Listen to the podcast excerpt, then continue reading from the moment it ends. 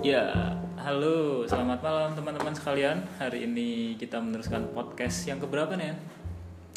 Podcast yang Ketiga. ketiga dari bincang-bincang malam kita yang kegabutan gitu. Hari ini kita kedatangan dua orang siapa ini ya?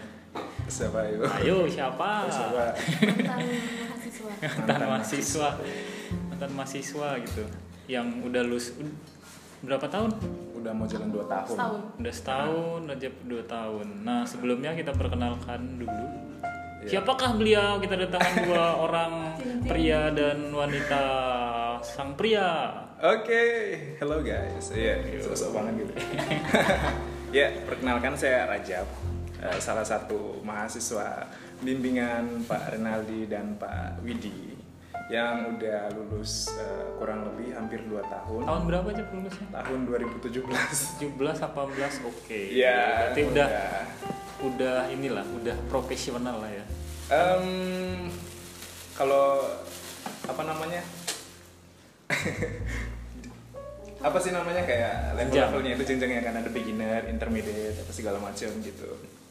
Oh, Aku sih kayaknya belum sampai di advance ya, masih di intermediate gitu. Oke. Belum Nah, profesional banget. terus kita kedatangan seorang wanita. Kamu wanita apa pria ini? aku wanita wanita. Tapi- Wanita sendiri. Tapi teman-temanmu kamu pasti pria. Siapa kan dia? hai Halo. Hai.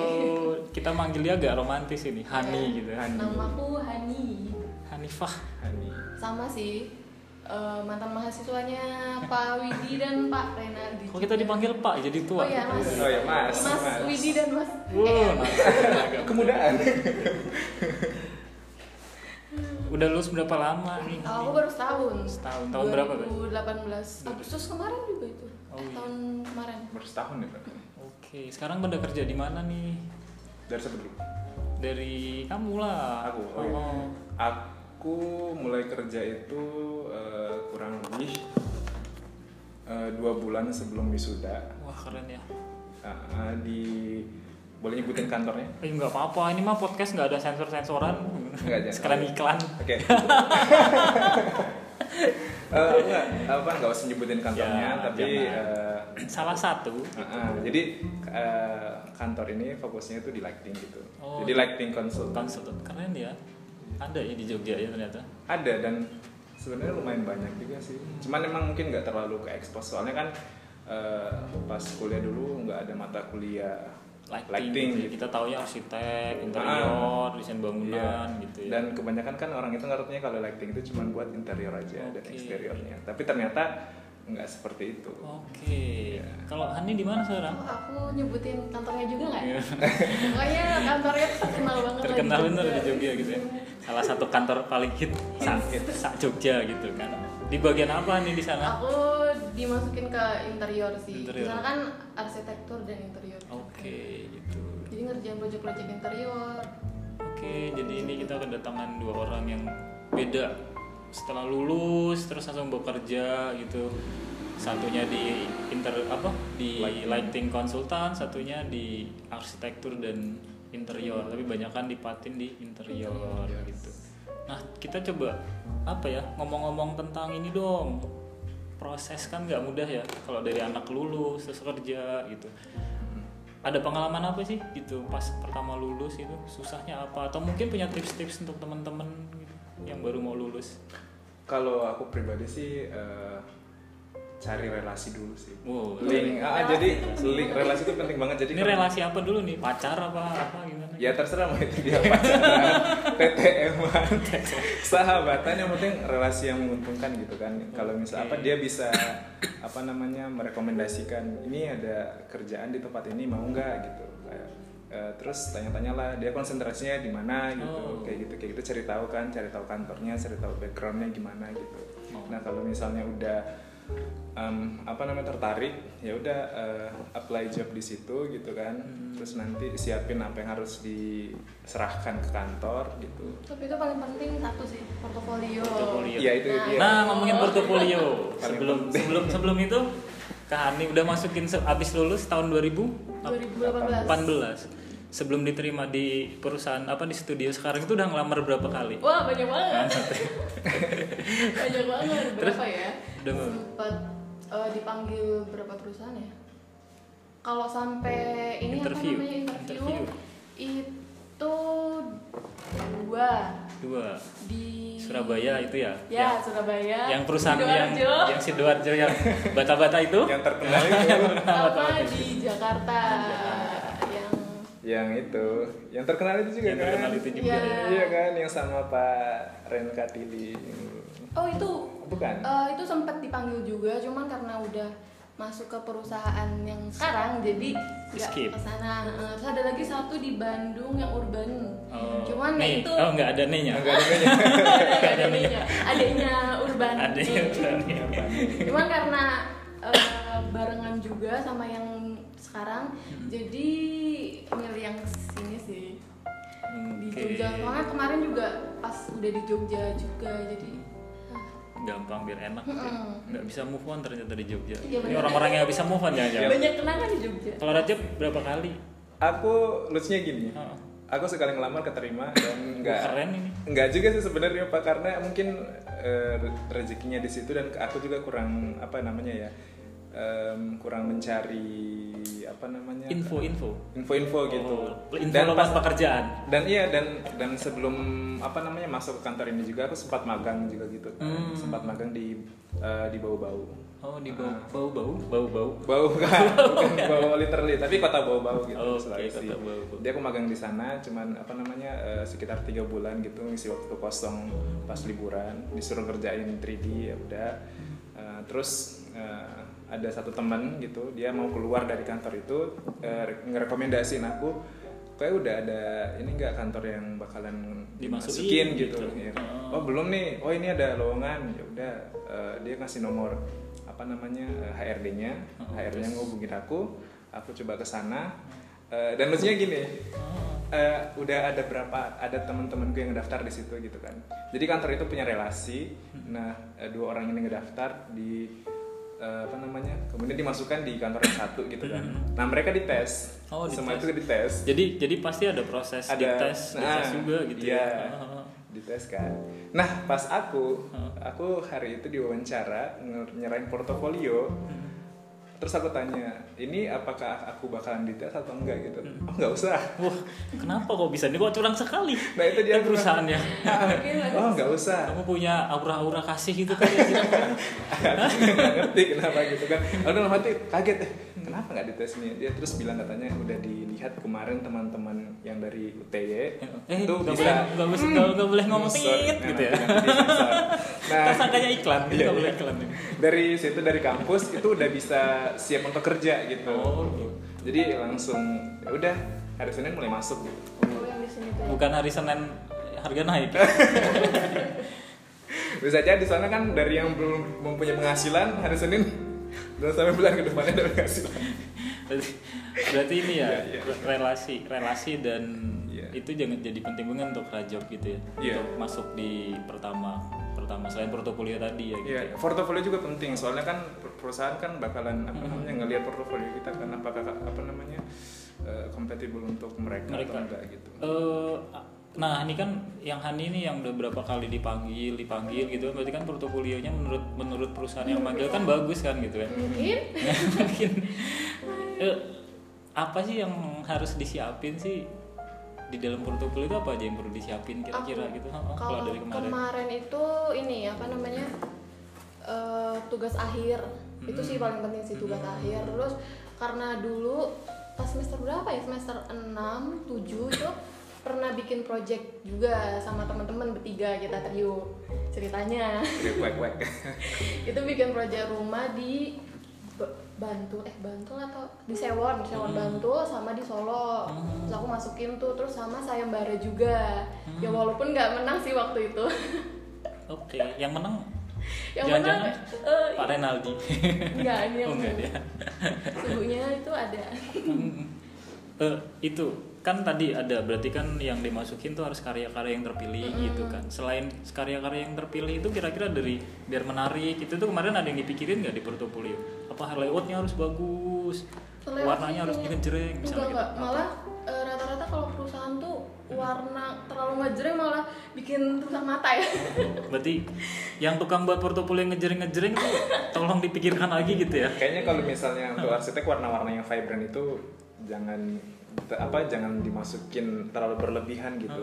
Eh, sesuai sama komposisinya aja gitu. Oh, jadi biarin tetap uh, cool gitu. Iya, heeh. terus Iya. juga ini sih eh, kalau di perusahaan Terus aja. eh, nyampe mana tadi Oh, perusahaan. Eh, perusahaan. kan kalau oh ya di perusahaanku itu kalau misalkan ada tuh aku dulu ngasih rating kayak misalkan AutoCAD-ku berapa bintang terus eh, apa lagi ya Oh. misalkan eh, renderingku berapa bintang ya kayak gitu lah sebenarnya itu juga di beberapa perusahaan nggak harus pakai itu jadi kita nggak bisa nilai diri kita sendiri Mm-mm. Atau, ah, jadi hanya orang lain sih yang bisa menilai Oke. itu gitu. jadi mending kebiasaan kita aja kita bisanya Photoshop terus uh, AutoCAD Corel gitu tapi nggak usah pakai rating lah kalau bisa sih gitu Oh gitu. Jadi kamu tuh bisanya apa? Kira-kira ntar dibuktiin di gambar-gambarmu gitu ya di, di itu. Dan itu aku ngelakuin juga pas itu kan masih di CV kan. Oh. Nah, di CV karena apa yang beredar di internet adalah seperti itu. Iya. Jadi kita Jadi, mencontoh Contoh yang Ah, paling ah. baik adalah di Pinterest. Iya, betul sekali.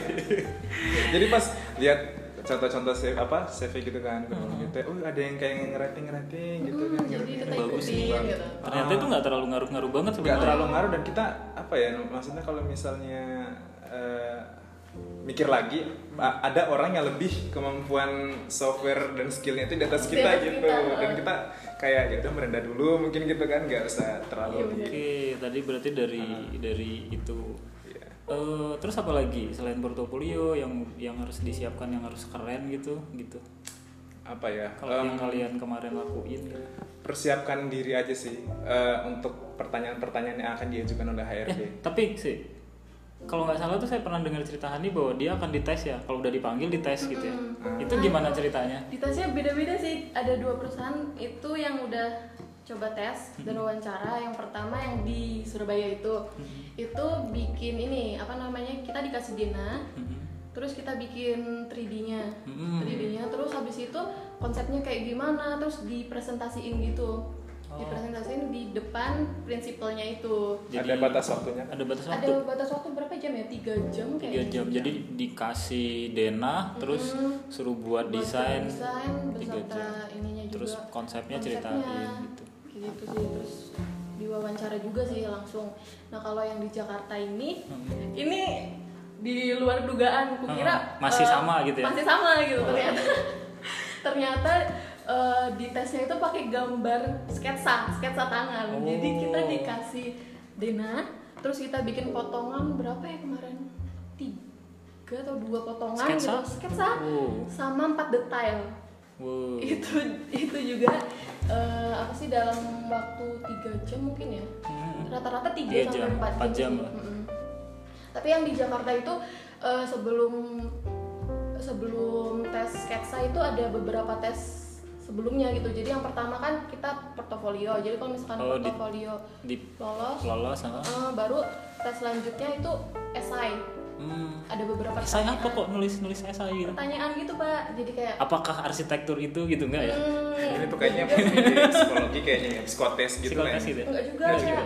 eh, essay gimana ya?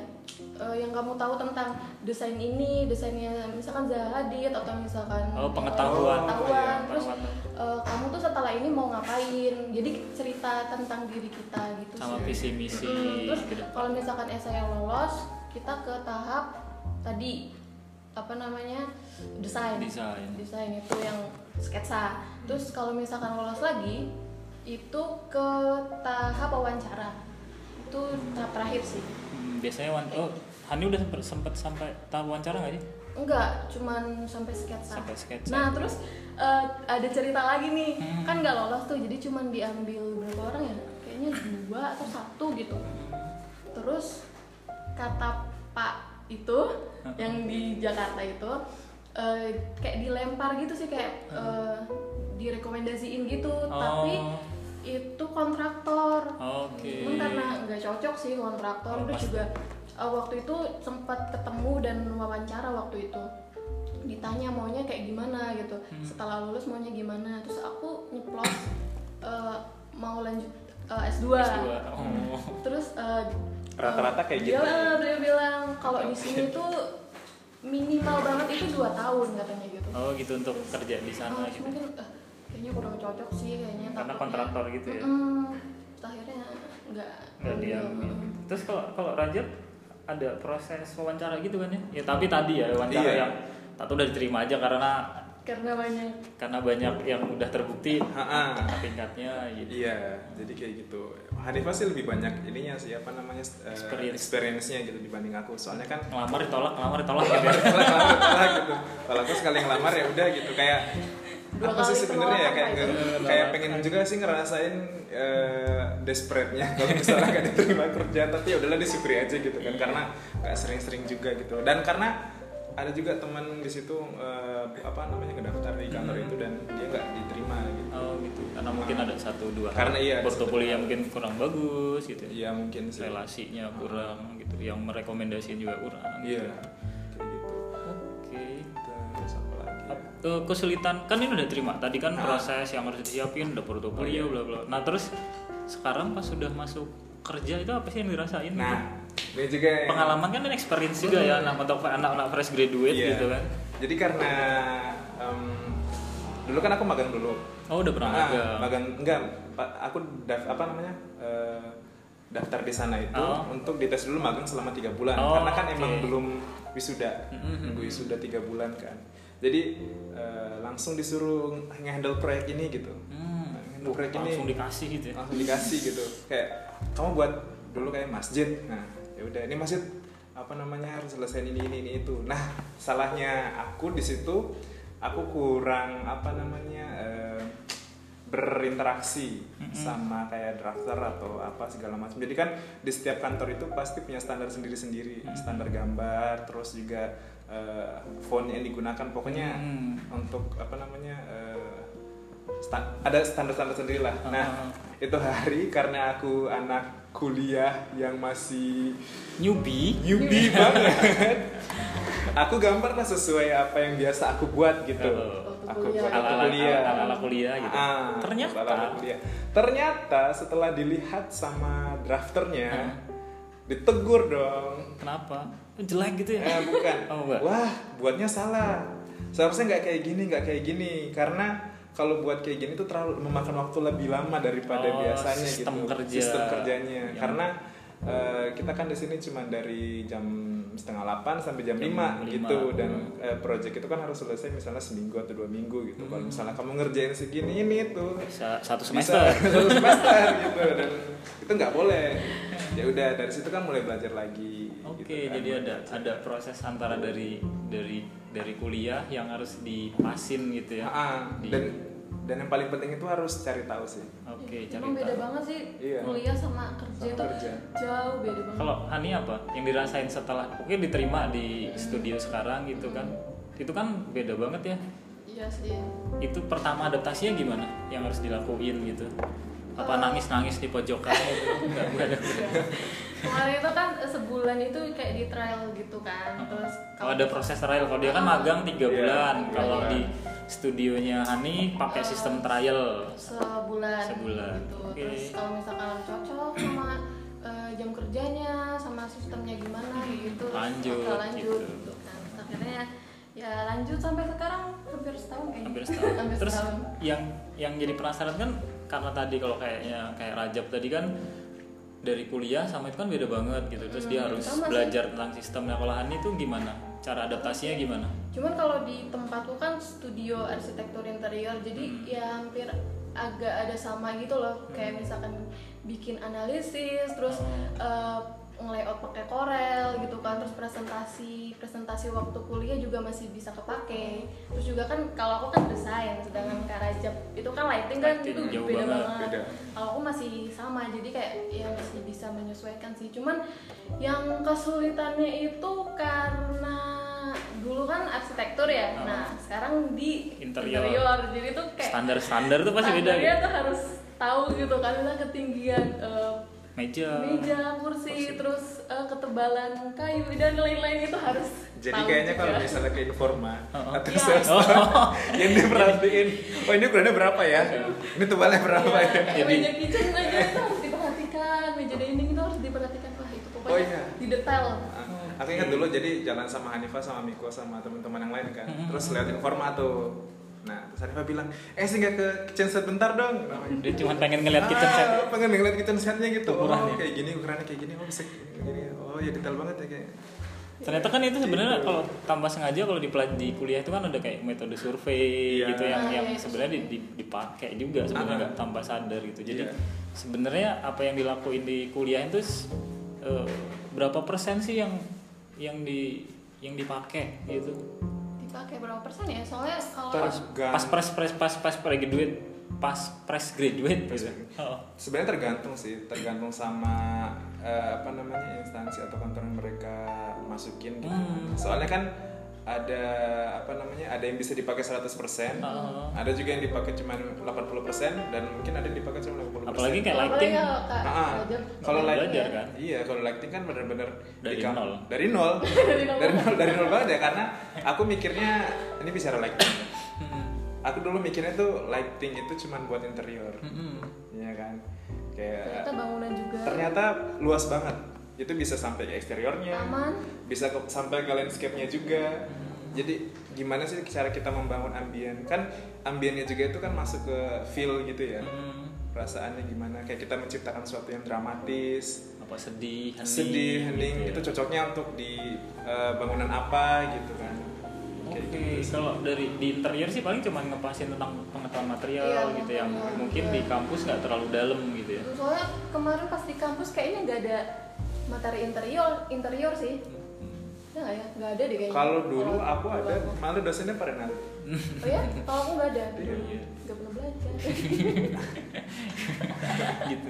Tapi intinya eh, apa? Pasti ada adaptasi yang yang Pasti. lumayan itu bener-bener dari nol sih dari nol gitu ya. dan adaptasi juga tuh yang nggak tergantung sama pribadi masing-masing ya ada yang bisa menyesuaikan cepat ada juga yang lama Jadi kalau untuk kita pesan ke teman-teman yang baru lulus besok itu harus ce- bisa cepat beradaptasi terhadap lingkungan baru gitu ya. iya betul Kalau enggak ntar dimarahin terus sama bosnya gitu ya. iya Gitu. Jadi siapa di sini sering dimarahin bosnya? kalau aku sih untungnya apa namanya punya bos yang baik banget Hani juga tuh bosnya baik kok. Ya. diajak makan terus kok Tidak makan Ya, terus. Tapi nggak gemuk-gemuk gitu. tapi kayaknya Yang gemuk bosnya, yang gemuk bosnya. aduh tapi ini juga nih harus apa namanya kalian harus hati-hati gitu kan kalau misalnya kalian selesai kuliah berat badan kalian itu bakalan naik-naik banget Kayaknya emang semua karena masa penjajahan di kuliahan yang dikirimin setiap Ah, ah. bulan terbatas karena udah dapat gaji kali.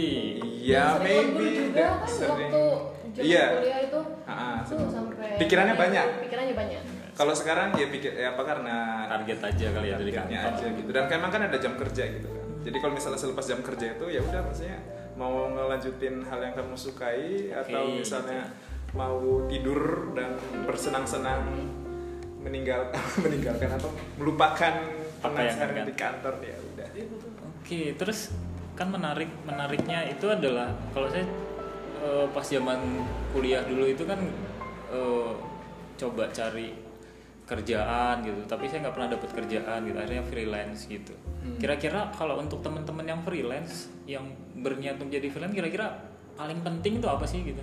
oh dulu pernah freelance juga Aku Aku kan? pernah, pernah, punya, aku- punya pengalaman iya. freelance ya? Aku nah pernah itu mungkin bisa ceritain ke teman-teman jadi yang denger. ceritanya em, setelah eh, kurang lebih enam bulan di kontrak dari kantor Mm-mm. atau kurang lebih tiga bulan gitu, aku dapat info dari teman lagi nih. Mm-mm. Jadi pentingnya relasi itu di situ. Mhm.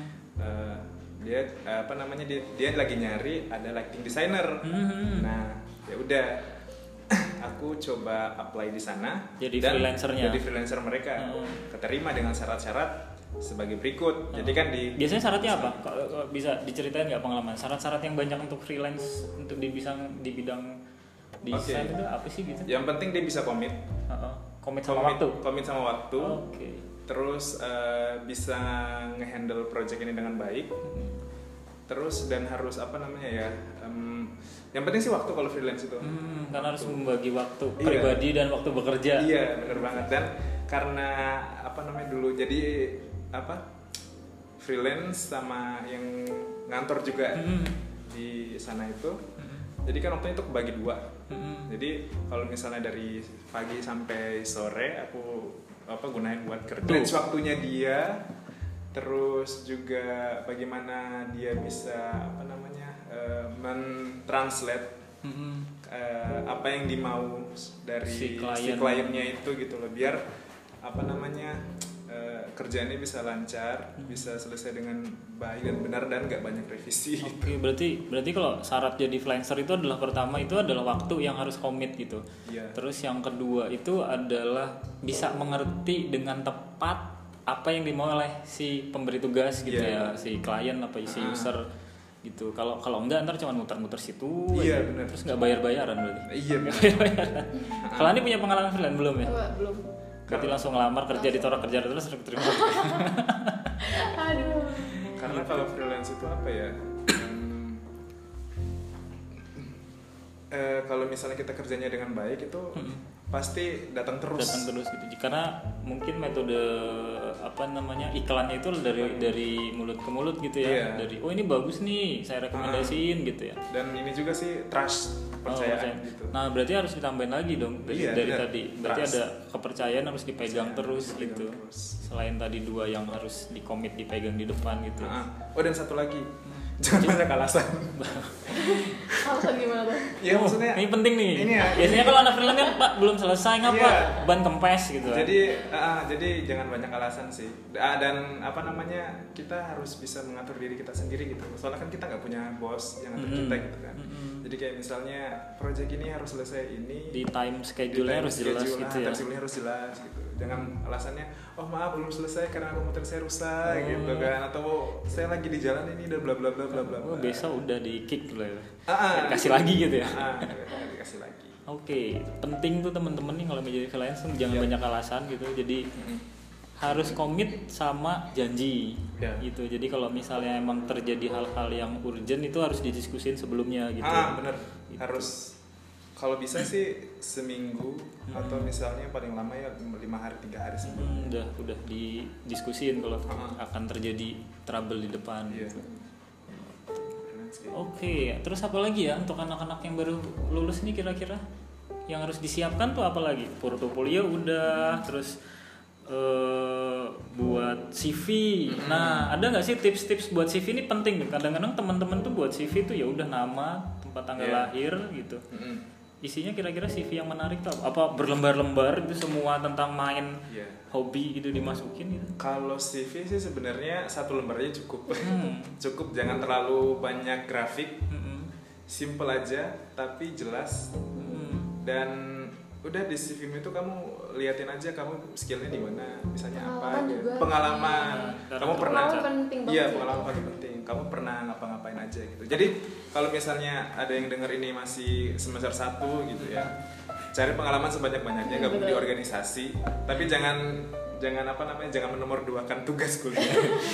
Ntar isinya pengalamannya semuanya tuh organisasi. Iya. Terus mau jadi desainer, terus bingung ntar orangnya. Iya. Ntar lama-lama jadi. sayembara juga penting tuh. Jadi kan Oh Iya, di CV kan bisa tuh Ah. sayembara menang, sayembara ini gitu. ya, karena kantor tuh yang dicari tuh bukan banyak omongan gitu. Banyak kerja. gitu. Banyak kerja. Iya, Kalau nggak ntar nggak dibayar. Iya. ntar kantornya nggak gibah terus gitu. Kalau enggak gabut, gaji buta. Gaji buta. Oke. Gitu. Eh, Terus apa lagi? apalagi ya yang menarik yang yang harus disiapin gitu karena kadang-kadang tuh anak-anak yang baru lulus apalagi yang baru wisuda tuh biasanya galau nya minta ampun saya harus Ah, ah. ke mana apa yang harus saya siapin gitu Oh ini yang paling banyak juga terjadi dan aku baru dengar dari temanku beberapa hari yang lalu, beberapa minggu yang lalu kalau nggak salah. Kadang banyak anak yang baru lulus itu matok buat dapat gaji segini. Oh, iya, nah, nah itu nah, penting nggak kan harus keberlangsungan Iya, hidup benar. Iya bener. Kayak ada tips untuk nego-nego nggak Ya, Nah, untuk nih. yang- Em, kalau yang aku dengar dari temanku, biasa ada yang membandingkan eh, perusahaan ini sama perusahaan ini, saling membandingkan. ya. Misalnya ada yang membandingkan da- eh, perusahaan dalam negeri dan luar negeri. Hmm. Cobalah untuk realistis. Eh, ego dan idealisme itu singkirkan dulu sebentar untuk eh, apa namanya keberlangsungan hidupmu gitu loh iya kan untuk kayak bertahan hidup ah, gitu ya gini loh istilahnya kan kita baru lulus pengalaman yang kita miliki itu baru ya istilahnya 10-20% lah ya Malah 0% Iya, mungkin. malah 0% bisa aja. Nah, kamu masuk ke kantor ini di perusahaan ini yang kamu cari adalah pertama ilmu. oke ilmu pertama Nah, ilmu Per- pertama. untuk anak fresh graduate ya kalau yang Iya. udah lama sih enggak itu Ah, yang kedua itu experience. experience Pengalaman. Dan yang paling penting ya emang gaji. Oke. Gaji Berarti kayaknya mungkin terakhir kali ya. gaji indikator ketiga setelah Ah. kita dapat experience dan Iya, experience Kalau ilmu dan kita bagus experience. juga mungkin gaji bakalan terus naik naik naik Iya, lagi. ah, ah. dia tadi makanya kan ilmu, experience dan gaji. tapi Nah. tapi ini menarik bentar mungkin mau nyikapin yang kadang-kadang tuh anak fresh graduate tuh bingung untuk untuk menanyakan gaji ke perusahaan gitu kan ya. Kalau ka- pengalaman kalian tuh apakah ada nego-nego atau apa yang harus dipikirin sih gitu? Oh, kan tetap iya. walaupun itu nomor tiga tapi kan tetap itu jadi hal yang paling penting. Kalau gajinya kekecilan juga sambat Iya. terus utang terus akhir bulan gitu. Iya, kalau ya gaji ini sih yang masalah yang paling agak-agak krusial dan gak krusial gitu ya. Soalnya kan ya siapa sih yang nggak butuh, saya nggak butuh sanggup buat uang bulanan. kan nggak bisa ngafe ntar Ah, jadi kalau untuk eh, tawar-tawar gaji, yang pertama adalah eh, gini, kalau misalnya perusahaan udah menawarkan gaji yang seperti apa yang kamu harapkan, kamu bisa aja dengan legowo nerima gitu. oke Tapi kadang juga ada orang yang menganggap gajinya terlalu kekecilan gitu kan. Jadi kamu bisa harus bisa mendetailkan eh, apa namanya apa ya kayak eh, pengeluaranmu sebulan berapa gitu. Kayak misalnya nih, oh untuk uang makan saya Segini. sebulannya segini. Terus untuk uang transportasi misalnya untuk beli bensin segini, biaya kos segini dan dan segala macam untuk ya. segini. Kalau misalnya alasan itu rasional, perusahaan mungkin bisa ngasih gitu, Hmm. tapi dengan syarat kerjanya harus bagus, Iya, gitu itu, kan? itu sangat penting gitu ya. Karena eh, kemampuan akan berbanding lurus dengan Iya, gaji. pendapatan. Gaji, pendapatan gitu. Pendapatan. Kita nggak bisa dong kayak misalnya eh, contoh kasus kemarin gitu kan. Mhm. Kemarin. Dia yang dari itu Oh, yang kampus mau- itu yang yang terkenal banget itu yang Iya. 8 juta per bulan ya. Iya, jadi itu kayak yang sebenarnya sih nggak masalah dia punya prinsip kayak gitu kan. Mm-mm. Tapi untuk anak orang-orang di luar sana yang baru lulus, eh, apa ya baiknya jangan dulu terlalu meninggikan ego. Iya gitu. Jadi kayak kayak apa ya? Untuk 8 juta sih untuk fresh graduate itu bisa dibilang Eh, gaji dosen nggak segitu loh. iya itu, itu tinggi banget. Banget. Itu tinggi banget gitu. Soalnya kadang kan ada kantor yang ngikutin UMR, ditambah lagi sama bonus-bonus gitu kan. Jadi kayak apa tadi ya? Yang gaji Oh iya, kayak contoh kampus tadi gitu. Jadi kayak eh, apa ya? Kamu lihat kamu bisanya apa gitu, kemampuanmu apa. Tapi kalau misalnya kamu pernah kayak magang atau misalnya eh, punya experience yang lebih, yang go internasional mungkin ya. ya maybe, ha, bisa untuk nego-nego gitu ha, ya. bisa ya nggak apa nggak masalah gitu. Karena memang ada juga perusahaan yang menawarkan eh, gaji yang besar untuk fresh graduate. Gitu. Iya. Kalau aku sih gaji nggak terlalu penting banget sih. Yang penting cukup untuk kehidupan Iya. terus selama sebulan. Ha-ha. Yang penting aku cari ilmu dulu sih. Karena mungkin eh, anak fresh graduate itu butuh waktu sekitar 2 tahun sampai sampai tiga tahun untuk dia bisa dikasih gelar profesional Iya. awal gitu mungkin. Jadi Iya. jadi mungkin untuk teman-teman yang dengerin ini bahwa kalau kalau kamu adalah fresh graduate, yang penting hitung-hitung aja dulu untuk untuk bisa bertahan hidup selama 2 tahun gitu untuk Iya. kalau gampangnya itu adalah kita ngomong kita lompat lompat dulu ke belakang satu langkah tapi setelah kita punya pengalaman banyak kita akan minta gaji yang gede gitu yang sesuai dengan kemampuan yang realistis tadi gitu Iya. kali ya gitu ya. Ini masih masalah gaji sih. Aku juga kemarin diskusi sama temanku. Jadi kalau kita itu harus bisa apa namanya ya?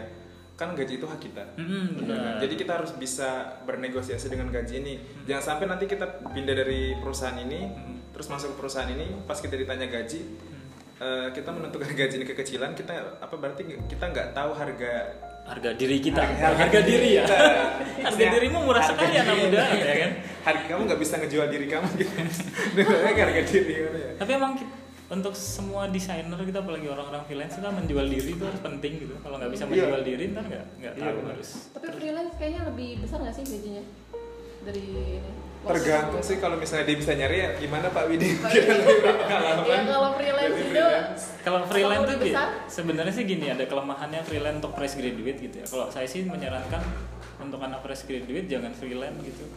Karena untuk di, di bidang arsitektur itu adalah bekerja di bawah orang itu menjadi penting gitu. Setel, apa karena kamu kalau anak kita baru lulus kita harus tahu sistem sistem kerja seperti apa standar karena Iya. akan beda, sangat beda sekali dengan di kuliahan yang hanya berpikir tentang keilmuan Iya. kalau di kuliah di kerja kan dia praktisnya gitu ada standar ada oh macam-macam indikatornya nah itu bisa dipelajarin dengan cara cepatnya adalah belajar dengan orang Profesional. Iya. profesional. Nah, setelah kita ngerasa bahwa kamu itu mampu, kita itu mampu di tahun keberapa, tahun kedua minimal atau tahun ketiga gitu udah mau freelance apa membuka studi sendiri udah udah udah pede gitu. iya Tapi kalau yang anak fresh graduate tahu-tahu langsung buka studi itu rasanya nggak salah, cuman Terlalu cepat. terlalu cepat matang, terlalu dini terlalu dini gitu. Saya sebenarnya juga nggak masalah karena ada juga beberapa teman-teman gitu Iya ya ada juga kan Hmm, ini nggak apa-apa karena setiap orang itu kemampuannya akan berbeda Iya, tapi, cara belajar. iya, tapi rata-rata banyak yang kerja dulu gitu. Misalnya kayak enam bulan atau setahun mereka masuk perusahaan ini. Nah mereka masuk perusahaan itu ternyata ada misi.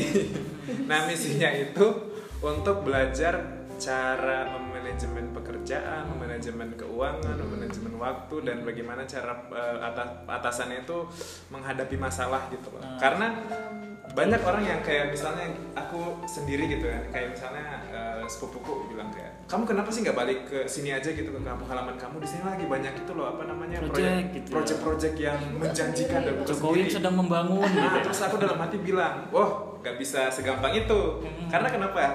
Yang, per- yang pertama kita harus memperhatikan kualitas, Bener. ya kan Karena kuantitas, penting gitu. Nah, kuantitas dan masalahnya eh, kalau misalnya kita nggak bisa menghandle project ini dan tiba-tiba berhenti di tengah jalan, kita pasti bakalan di blacklist sama Oh, pemerintah atau sama eh, pem- apa yang punya project ini gitu. Jadi kayak kita harus banyak belajar dulu dan emang sih kadang aku di kayak dibully, eh kamu jadi apa namanya budak korporat atau atau apa namanya sih eh, kayak kerja di kerja sama orang itu Hmm. eh, nggak enak loh kayak banyak pressure-nya dan apa segala macam. Ya nggak masalah karena kan di sini kan kita belajar gitu loh dan eh, benefitnya kan kembali ke kita lagi gitu. Iya, karena emang emang kalau cara cepat untuk belajar adalah punya gurunya gitu. ya. Iya. Jadi gurunya itu ya studio yang kita tempati mas sekarang Ah. sekarang ini gitu. ya. dan untuk anak muda sih mungkin jangan takut untuk gagal Oh iya. karena eh, karena kan anak muda itu dirancang untuk gagal Untuk gagal gitu kan. dulu. Iya, untuk ini ya gagal dulu. habiskan masa gagalmu gitu. Iya, jadi coba-coba terus gitu, gitu kan, jangan pantang menyerah gitu kan. Kalau misalnya kamu ditolak dari satu perusahaan ini, contoh lah si Hanifah gitu kan, dia Pantang mundur ya? pantang Pantang mundur mundur. gitu dan pasti bakalan ada yang terima gitu dan mungkin karena rezekinya udah di situ ya nggak masalah. Gitu. Oke, jadi itu eh, teman-teman menarik pembicaraan malam hari ini bagaimana seorang fresh graduate bertahan hidup gitu. Ada yang baru dua tahun, ada yang masih satu tahun. Pertanyaan terakhir, kira-kira kalian mau sampai kapan kerja sama orang? ini pertanyaan susah ini. Menarik, ini menarik, menarik sih. Ini yang kepa yang bos-bosnya denger tolong didengarkan.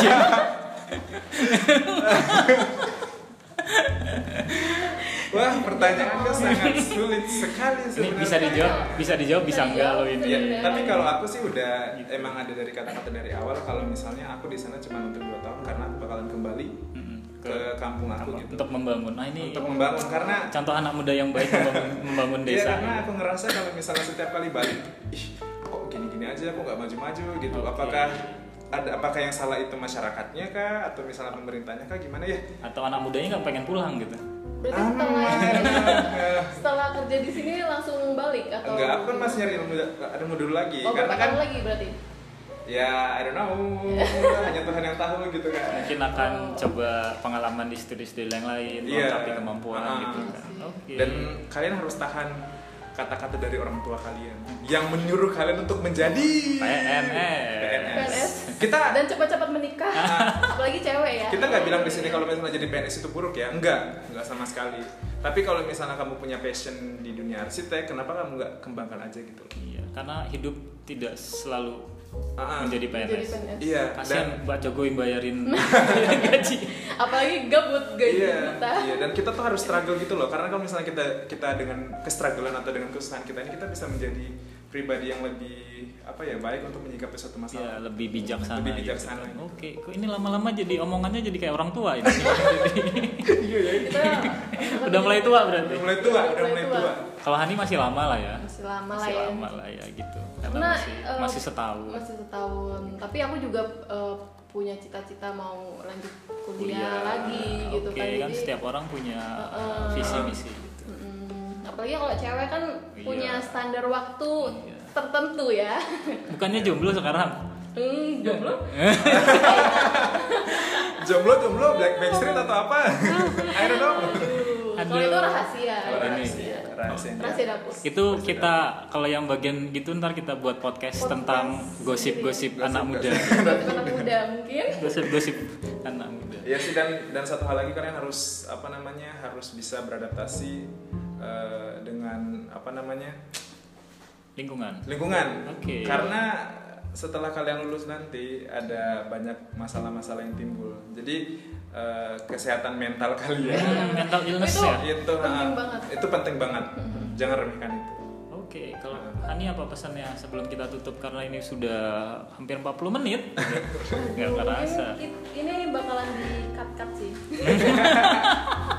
yang ngekat dia iya sih ya itu eh, benar kata benar kata Kak Rajab sih. Eh, apa ya? Dari sebelum sebelumnya itu pertama kita harus nyiapin segala hal contohnya kayak portofolio dan lain-lain sebelum kita bekerja. Terus juga ya tadi apa? Kesehatan mental juga Bersahabatlah dengan anxiety kalian. ya betul apalagi kita kerjaan kan kadang lembur Iya. sering banget lembur Target. target, Oke. pulang malam mungkin Mm-mm. terus itu harus benar-benar jaga kesehatan sih Iya, kesehatan tuh penting banget. Nah, makanya sering-sering ikut sepedahan Biar nggak gendut. sama itu tadi adaptasi itu emang benar-benar Iya. harus i- oke karena teman-teman. iya karena kan kita kan bakalan ketemu sama orang-orang baru yang kita nggak tahu pribadinya kayak gimana iya betul lagi di, di kantor-kantor kita Biasa. juga kan Iya. Oke, terima kasih teman-teman. Ya. Eh, kita tadi udah banyak dengar pembicaraan yang gabut-gabut tadi dari pertama lulus kuliah, terus di dunia kerja seperti apa, sampai kalau mau jadi freelance itu seperti apa yang harus disiapin gitu. Jadi untuk teman-teman yang mendengarkan eh harus tetap mau belajar rasanya gitu, karena karena kalau